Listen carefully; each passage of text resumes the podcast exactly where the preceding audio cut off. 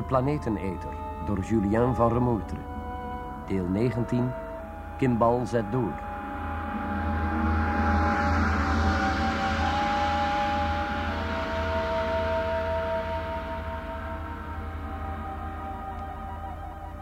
Pas de volgende dag vernam ik van Greta de zogenaamde tweede versie over de planeteneter. Peter zag er niet meer de vreemde, vleermuisachtige vorm in, maar achtte het meer waarschijnlijk dat de planeteneter een machine was gebouwd door buitenaardse wezens. Het had zich in de maan ingegraven, vrat die planeet van binnenuit en bezat het vermogen om de materie zodanig op elkaar te persen dat de ruimte binnen de atomen verdween, zodat in een klein volume een ontzaglijke massa kon worden opgestapeld. De door de machine ingedane materie zou dan dienen voor de bouw van satellieten in het stelsel van planetenetermakers, wie ze dan ook mochten zijn. Toen de machine de maan had uitgevreten, verliet ze dat hemellichaam. De verschijnselen staan bekend onder de naam de grote maanbeving.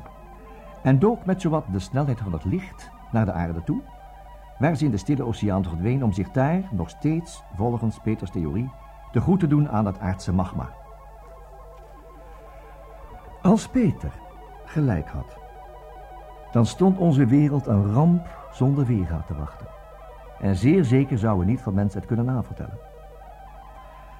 Terwijl Peter deze theorie uiteenzette aan Greta en aan dokter Simons, bevond ik mij binnen de muren van de gloednieuwe universiteit, het Centrum voor Studie van de Psychologie, waar mijn oud-leraar, professor Leij, met grote energie aan het uitbreiden was. Hij was op dat moment de enige toeval had. Het onderzoek dat ik begonnen was met de bemanning van ruimtelab Beta 2, de drie mensen die de grote maanbeving van zeer nabij hadden meegemaakt en de zogenaamde planeteneter hadden ontdekt, was, naar mijn oordeel, volkomen vastgelopen. Beta-commandant John Doran was gestorven. Erika Blanker, astrofysica, had, al dan niet onder druk van de wetenschapsmensen, de brui gegeven aan alle verdere medewerking. En met Peter Landseer alleen kon ik het niet klaren. Nou wist ik niet of professor Leider iets aan kon doen, maar ja, hoe gaat dat? Als je heel diep in die misère zit, wil je die ergens kwijt. Bijvoorbeeld in een goed gesprek, maar ook een goede vriend.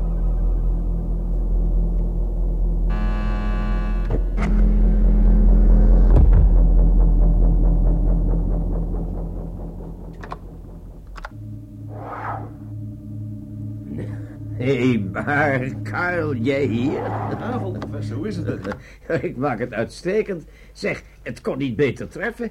Ik heb net een psychiater als jij brood nodig. Enorm veel te doen, man. Je bent door de hemel gezonden. Ja, maar... eh, eh, Nou, maar wacht, wacht, wacht. Ik, ik ruim die paprassen wat Uitstekend, op. Zo, zo, zo, zo. Ja, we beschikken hier over 36 laboratoria, maar niet één uitgerust zoals ik het precies wil. Misschien kun jij daarmee beginnen. Je weet wel hoe het hoort, of ben je dat vergeten? Wat een leven.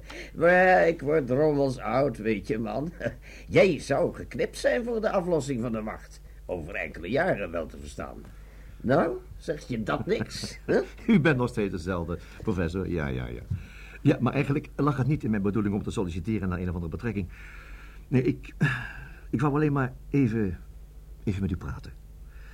Ik zit in de put. Behoorlijk diep in de put. Ja? Jij in de put? een tikje te gevoelig, hè? Heb ik je steeds gezegd, is het niet?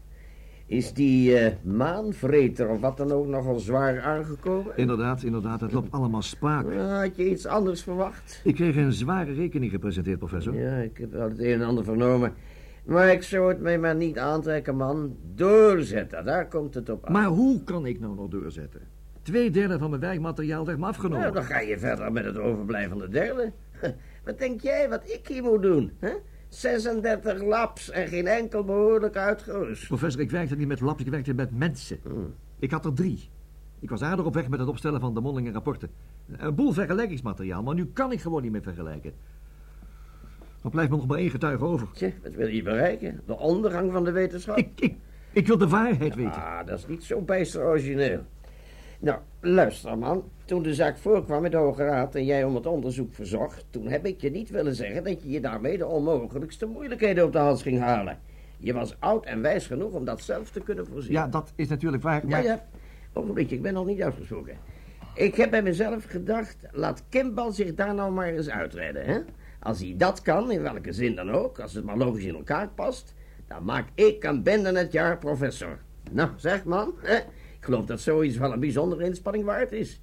Ik ken je gaven en je gebreken. En het opmerkelijkste is dat die twee bij jou in elkaar vloeien. Je bent, eh, ja, zal ik het zeggen, te veel geëngageerd, hè? Wat een teken is van grote menselijkheid, maar daaruit volgt onmiddellijk een gebrek aan uiterste nuchterheid. Ja, ik eh, bedruk uiterste. Wat heb ik je verdomme steeds voorgehouden, man? Verheug je nooit over een zet, want je krijgt de rekening gepresenteerd. Nou, is het je nog niet duidelijk? U vergeet mijn voornaamste gebrek. Ik twijfel, ik twijfel aan mezelf. dat is de beste die ik vandaag hoorde. Een psychiater die twijfelt aan zichzelf. Mooi. Nou, zullen we eens even een wandelingetje maken door mijn domein hier? Nou, kom op. Hè?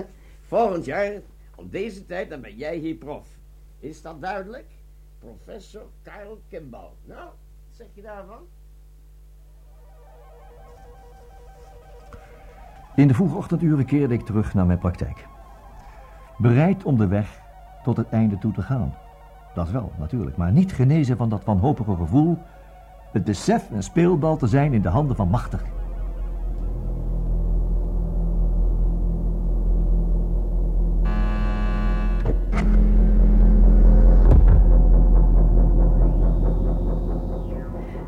U moet toch toegeven dat Peters tweede theorie nieuwe wegen opent, dokter? Greta, jij laat je overtuigen door gevoelsargumenten. Die doen niet ter zake.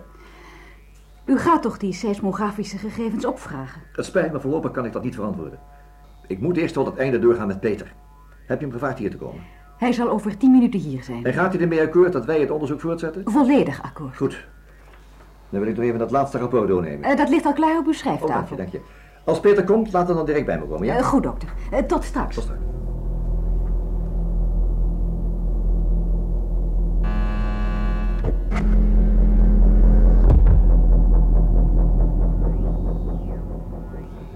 Toen wij de laatste keer bij elkaar waren, heb je verteld hoe jullie erin slaagden uit het moeras te komen. Herinner je je dat? Zeker, dokter. En je hield vol dat je John niet hoorde roepen toen hij in de modder terechtgekomen was. Dat is zo, ja. Erika had hem wel gehoord. Dat beweerde ze althans. Kon het zijn dat jij zo met jezelf bezig was dat je Johns geroep inderdaad niet hoorde? Ja, hoe kan ik daar nou op antwoorden, dokter? Ik, ik weet het echt niet. Peter, dit is een zeer belangrijke vraag. Denk dus goed na. Is het je ooit opgevallen dat tussen John en Erika een telepathisch contact zou kunnen bestaan? Ik bedoel, kun jij feiten aanwijzen waaruit kan blijken dat Erika en John soms hun gedachten op elkaar overbrachten, zonder daarvoor die gedachten onder woorden te moeten brengen? Ja, dat is me ook een vraag. Ik heb er nooit zo speciaal op gelet. Ik bedoel, het, het overkomt ons allemaal wel eens, denk ik. Je wilt iets zeggen en, en je partner zegt net op hetzelfde moment wat jij zelf wilde zeggen. En ja, is het niet zo dat... Dat is toch wat u telepathie noemt? hè? Dat bedoelde ik, juist, ja, ja. Maar hoe zat het dan, of hoe zit het dan met Erika en John? Wilt u zeggen dat John misschien helemaal niet geroepen heeft toen hij de modder kwam? En dat Erika, hoe zal ik het zeggen, zijn, eh, zijn gedachten hoorde op dat moment? Dat zou te maken kunnen hebben met telepathie, ja. Ja, wacht eens even, toen wij de dode stad bereikten... Goed, goed, goed. Houd dat vast. Houd dat vast. Ga dan even door. Ga even door tot het moment waarop jullie goed en wel uit de modder van het moeras kwamen. Ja, goed en wel, zegt u.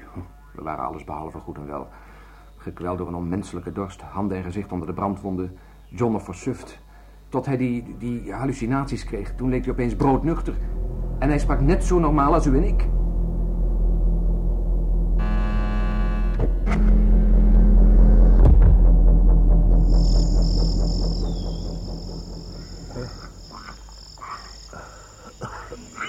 Even rusten, Peter.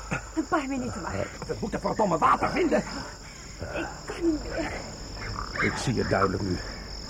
Of, of bijna. Hij vreet de planeet uit. Zijn voedsel is magma. Wat krijg jij nou? Magma, waar heb je het over? John, rustig nou maar. Hou je nog maar rustig. Ik ben rustig.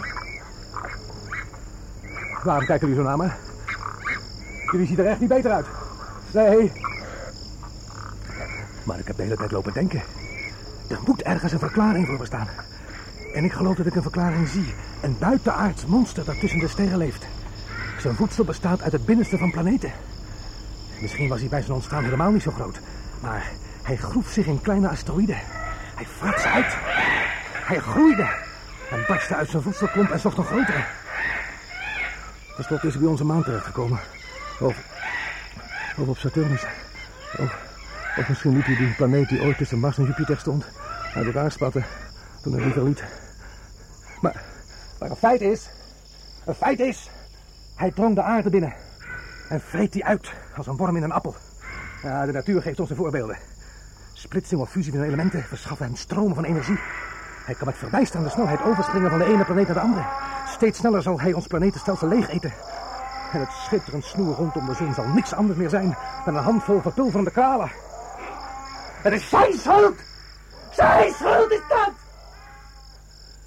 Maak hem dood. Vernietig hem. Luister allemaal. Luister.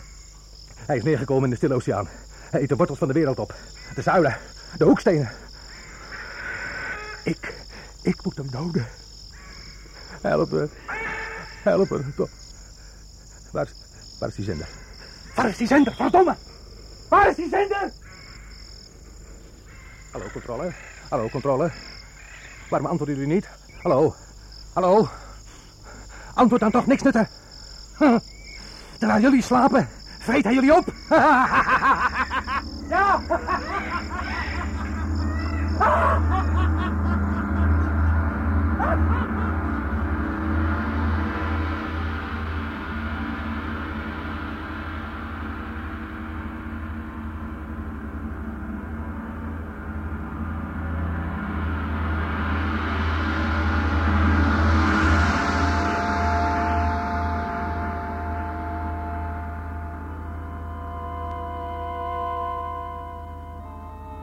Jullie hebben geluisterd naar het negentiende deel van de Planeteneter door Julien van Remoetre.